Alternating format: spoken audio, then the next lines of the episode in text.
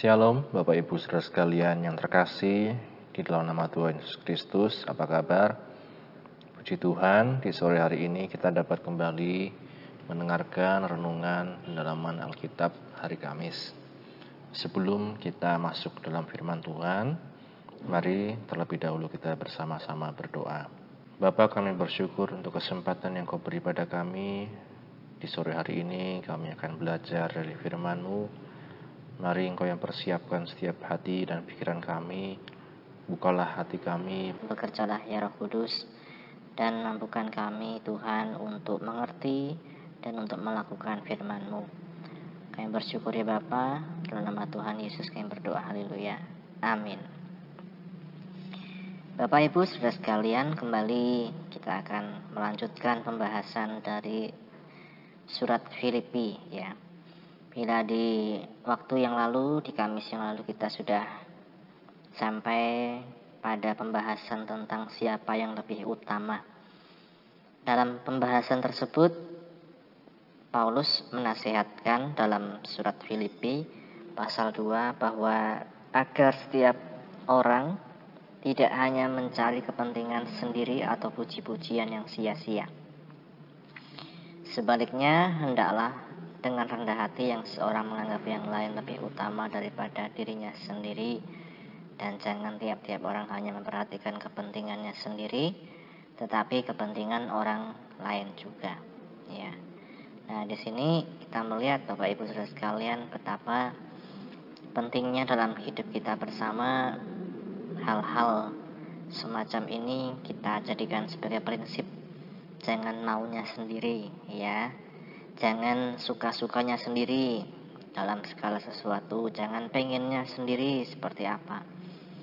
Tapi justru seperti yang Yesus katakan ketika ia bersama dengan murid-muridnya, kalau ada yang mau besar di antara kamu, hendaklah ia menjadi pelayanmu. Ya. Kalau ada yang ingin menjadi terkemuka, hendaklah ia menjadi hambamu. Sebab apa dikatakan barang siapa meninggikan diri, ia akan direndahkan dan barang siapa merendahkan diri ia akan ditinggikan. Ya. nah ini Bapak Ibu saudara sekalian yang patut kita jadikan prinsip dalam kehidupan kita sehari-hari. Selanjutnya Kamis ini kita akan membahas satu tema ya yang merupakan lanjutan dari Filipi 2 tadi yaitu tidak perlu membanggakan status ya tak perlu membanggakan status. Kita buka Filipi 2 ayat 5 sampai ayat yang ketujuh. Filipi pasal 2 ayat yang kelima sampai ayat yang ketujuh. Demikian bunyi firman Tuhan. Hendaklah kamu dalam hidupmu bersama menaruh pikiran dan perasaan yang terdapat juga dalam Kristus Yesus yang walaupun dalam rupa Allah tidak menganggap kesetaraan dengan Allah itu sebagai milik yang harus dipertahankan, melainkan telah mengosongkan dirinya sendiri dan mengambil rupa seorang hamba dan menjadi sama dengan manusia. Amin. Berbahagia setiap kita yang baca, mendengar, dan yang melakukan firman Tuhan. Bapak Ibu saudara sekalian dikatakan dalam hidup kita bersama dengan saudara-saudara yang lain.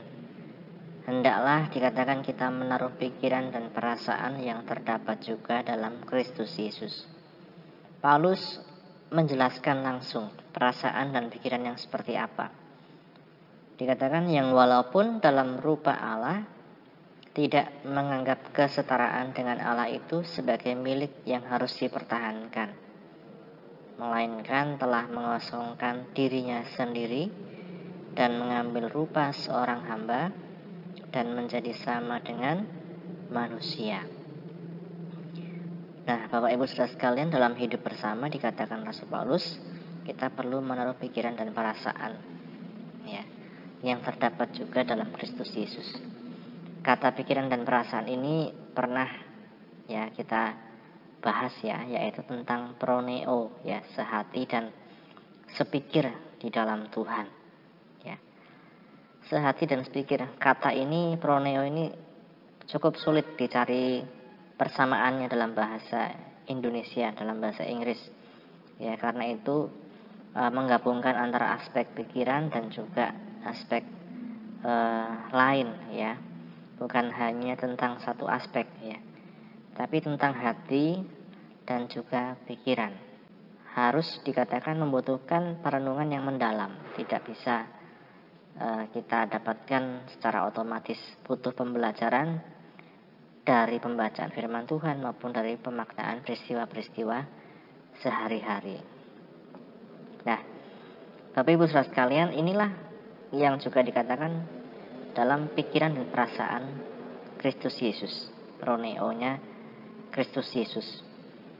Pikiran dan perasaan yang hendaknya menjadi dasar dalam hidup bersama. Ya, kalau dinasihatkan Paulus tadi di ayat sebelumnya yaitu untuk kita sehati sepikir Ya. Ketika Paulus meminta jemaat untuk sehati sepikir, artinya ia ingin agar jemaat belajar dari pikiran dan perasaan Kristus, dari pribadi Kristus sendiri. Nah, kalau tadi Paulus katakan tentang apa? Ya, dikatakan dalam rupa Allah tidak menganggap kesetaraan dengan Allah itu sebagai milik yang harus dipertahankan. Ini kalau saya katakan berbicara tentang status, ya status Yesus sebagai apa dikatakan anak Allah, kesetaraan dengan Allah, tapi dikatakan itu tidak dianggap sebagai status yang harus dipertahankan. Karena apa? Karena Yesus ingin dikatakan menjadi sama dengan manusia, mengosongkan dirinya sendiri, mengambil rupa seorang hamba menjadi sama dengan manusia. Untuk apa? Untuk keselamatan umat manusia. Kalau kita lihat bagaimana dengan manusia Bapak Ibu saudara sekalian. Bagaimana dengan kita? Seringkali manusia dimotivasi ya, diberikan semangat untuk meraih peningkatan hidup, mendapat penghasilan dan penghidupan yang layak. Otomatis jika itu terjadi, hal tersebut akan meningkatkan status orang dan keluarga orang tersebut di mata keluarganya maupun di mata tetangga. Kita tentu dapat mungkin ada yang merasakan sendiri bagaimana hidup kita dulu seperti apa, sekarang seperti apa, ditolong Tuhan dalam banyak hal, kemudian kita bisa meraih berbagai macam hal, membeli barang-barang, meraih status sosial yang bisa jadi cukup terpandang di masyarakat, dianggap sebagai orang penting, dianggap sebagai orang yang apa ya memiliki satu kemampuan ya di masyarakat. Tentu hal ini sangat manusiawi dan tentu diimpikan banyak orang ya. Ada kenaikan dari hidup yang dulunya kurang sekarang sudah cukup puji Tuhan mungkin juga dari hidup yang cukup sekarang menjadi lebih puji Tuhan sehingga dapat memberi ke orang lain ya nah tontonan-tontonan di televisi kadang juga menjadi gambaran bagi kita ya. Bagaimana keluarga yang ideal di mata dunia ini. Bapak Ibu sekalian yang mungkin nonton sinetron ya misalnya apa ikatan cinta atau apa. Kita diperlihatkan bagaimana sih status keluarga yang ideal menurut dunia ini. Status keluarga yang kaya, rumahnya mewah, hartanya berlimpah, ya dan lain-lain. Ya. Seringkali itu membuat manusia menilai orang lain itu seperti sinetron ya. Wah, kalau dia tidak kaya berarti dia tidak harus dihormati. Kalau dia kaya berarti kita harus nunduk-nunduk ya, kita harus menjilat-jilat untuk dapat ya mungkin cipratan bagian. Nah, namun perlu diingat Bapak Ibu sekalian jangan sampai status atau apa pun itu membuat kita lupa diri. Ya kalau kita dipercaya Tuhan diberkati Tuhan jangan sampai kita kehilangan satu hal yaitu yang namanya kerendahan hati. Ya.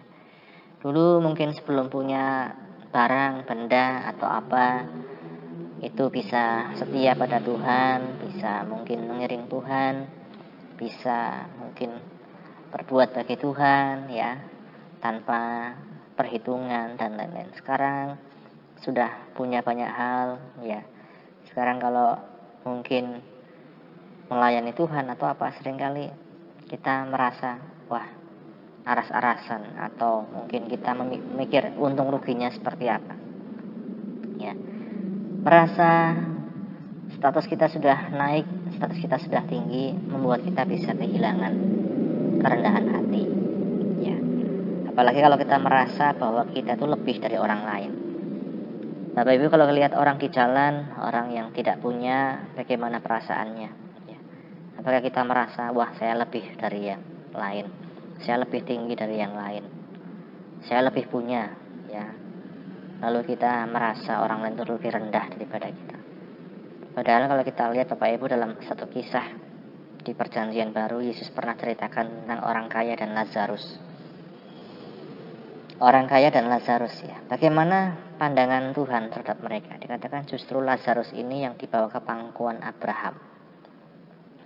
Lazarus mengalami penderitaan di dunia tetapi justru dia dibawa ke pangkuan Abraham. Sedangkan orang kaya itu dikatakan dia menikmati kenikmatan dunia tetapi justru dia mengalami siksaan dalam panas yang luar biasa. Ya. Nah, menjadi contoh bagaimana kalau kita melihat orang lain, misalnya orang di jalan, orang-orang di sekitar kita, orang-orang yang mungkin tidak punya, orang-orang yang kurang diberkati, kita anggap kurang diberkati orang-orang yang kurang genep ya mungkin fisiknya dan lain-lain kita anggap kita fisiknya paling sempurna paling ganteng paling cantik terus kemudian kita lihat orang lain yang mungkin beda dengan kita wah kok jelek banget ya dan lain-lain. Hati-hati bapak ibu saudara sekalian jangan sampai kita punya pikiran seperti itu. Kita mulai banggakan status yang sesungguhnya itu dari Tuhan ya. Sesungguhnya itu tidak perlu kita banggakan seperti apa Tuhan Yesus sendiri memberi contoh bagi kita sekalian bahwa ia tidak menganggap status kesetaraannya dengan Allah itu sebagai milik yang harus dipertahankan. Demi apa? Demi kasihnya kepada manusia, demi menyelamatkan umat manusia dari hukuman dosa. Ya, sebaliknya jangan sampai ya kita seperti manusia tadi, seperti orang kaya tadi. Kehilangan kerendahan hati, mudah tersinggung bila tidak dihargai, merasa bisa mengatur orang lain, pemimpin, baik itu pemimpin rohani, pemimpin keluarga dan lain-lain pun kita merasa bisa kita atur ya. Wah pendeta bisa diatur misalnya. Yang penting bisa saya bayar dan lain-lain. Jangan sampai seperti itu. Dan ini juga menandakan motivasi kita dalam mengiringi Yesus Bapak Ibu saudara sekalian. Apa motivasi kita mengiringi Yesus? Seringkali tanpa kita sadari kita mengiring Yesus hanya untuk urusan kebutuhan sehari-hari. Ya Tuhan berkatilah usaha saya, cukupilah Tuhan, ada pergumulan ini, pergumulan itu. Tolonglah saya Tuhan agar bisa mungkin kalau yang siswa naik kelas, mungkin masuk universitas, mungkin apa. Tapi benarkah kita sudah mengikuti Yesus dengan setia, dengan sungguh-sungguh? atau kita hanya mengikut Yesus karena ada maunya supaya diberkati, dicukupi, dijadikan kepala bukan ekor dan lain-lain.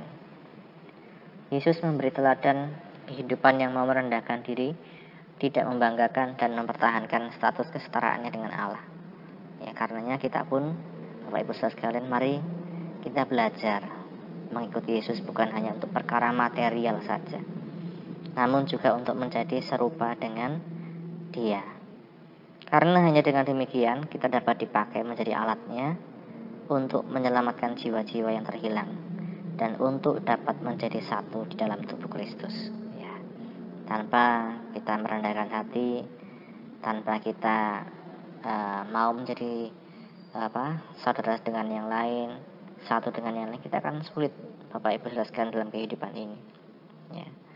Biarlah firman Tuhan pada sore hari ini menjadi satu kekuatan, perenungan, dan juga satu ingatan untuk kita sekalian. Terus belajar dari Yesus. Pikiran dan perasaan Yesus itu hendaknya menjadi satu dengan pikiran dan perasaan kita. Amin. Mari sama-sama kita berdoa. Bapak kami bersyukur untuk kesempatan yang kau beri, untuk firman yang kau beri Tuhan pada sore hari ini menjadi satu renungan bagi kami sekalian untuk tidak mempertahankan status, tidak membanggakan hal-hal yang sebenarnya itu sangat rapuh dalam kehidupan kami Tuhan. Tapi biarlah kami belajar dari Engkau Tuhan, mau merendahkan diri, mau merendahkan hati, untuk keselamatan jiwa-jiwa yang terhilang ya Tuhan. Mari Tuhan berkati setiap anak-anakmu, setiap umatmu yang sudah mendengar firmanmu di mana pun berada. Berikan kekuatan dalam kehidupan kami pribadi lepas pribadi ya Tuhan. Dan berikan kemampuan kepada kami menjalani hari-hari kami Tuhan. Berikan kami kekuatan ya Roh Kudus untuk menjadi pelaku firmanmu dan berjalan dalam kebenaranmu Tuhan. Terima kasih Bapa, setiap yang sakit Engkau sembuhkan, yang lemah dikuatkan, yang susah dihiburkan, yang sedang hadapi permasalahan berikan jalan keluar Tuhan. Yang sedang mencari pekerjaan berikan pekerjaan yang tepat ya Tuhan daripadamu Tuhan. Mempermuliakan namamu ya Tuhan. Dan mereka yang mencari jodoh juga yang kau tolong Tuhan. Berikan pasangan hidup yang tepat yang daripadamu Tuhan. Kami bersyukur ya Bapa ini doa kami Tuhan. Kami sudah mengucap syukur. Haleluya. Amin. Puji Tuhan. Bapak Ibu saudara sekalian Tuhan Yesus memberkati. Amin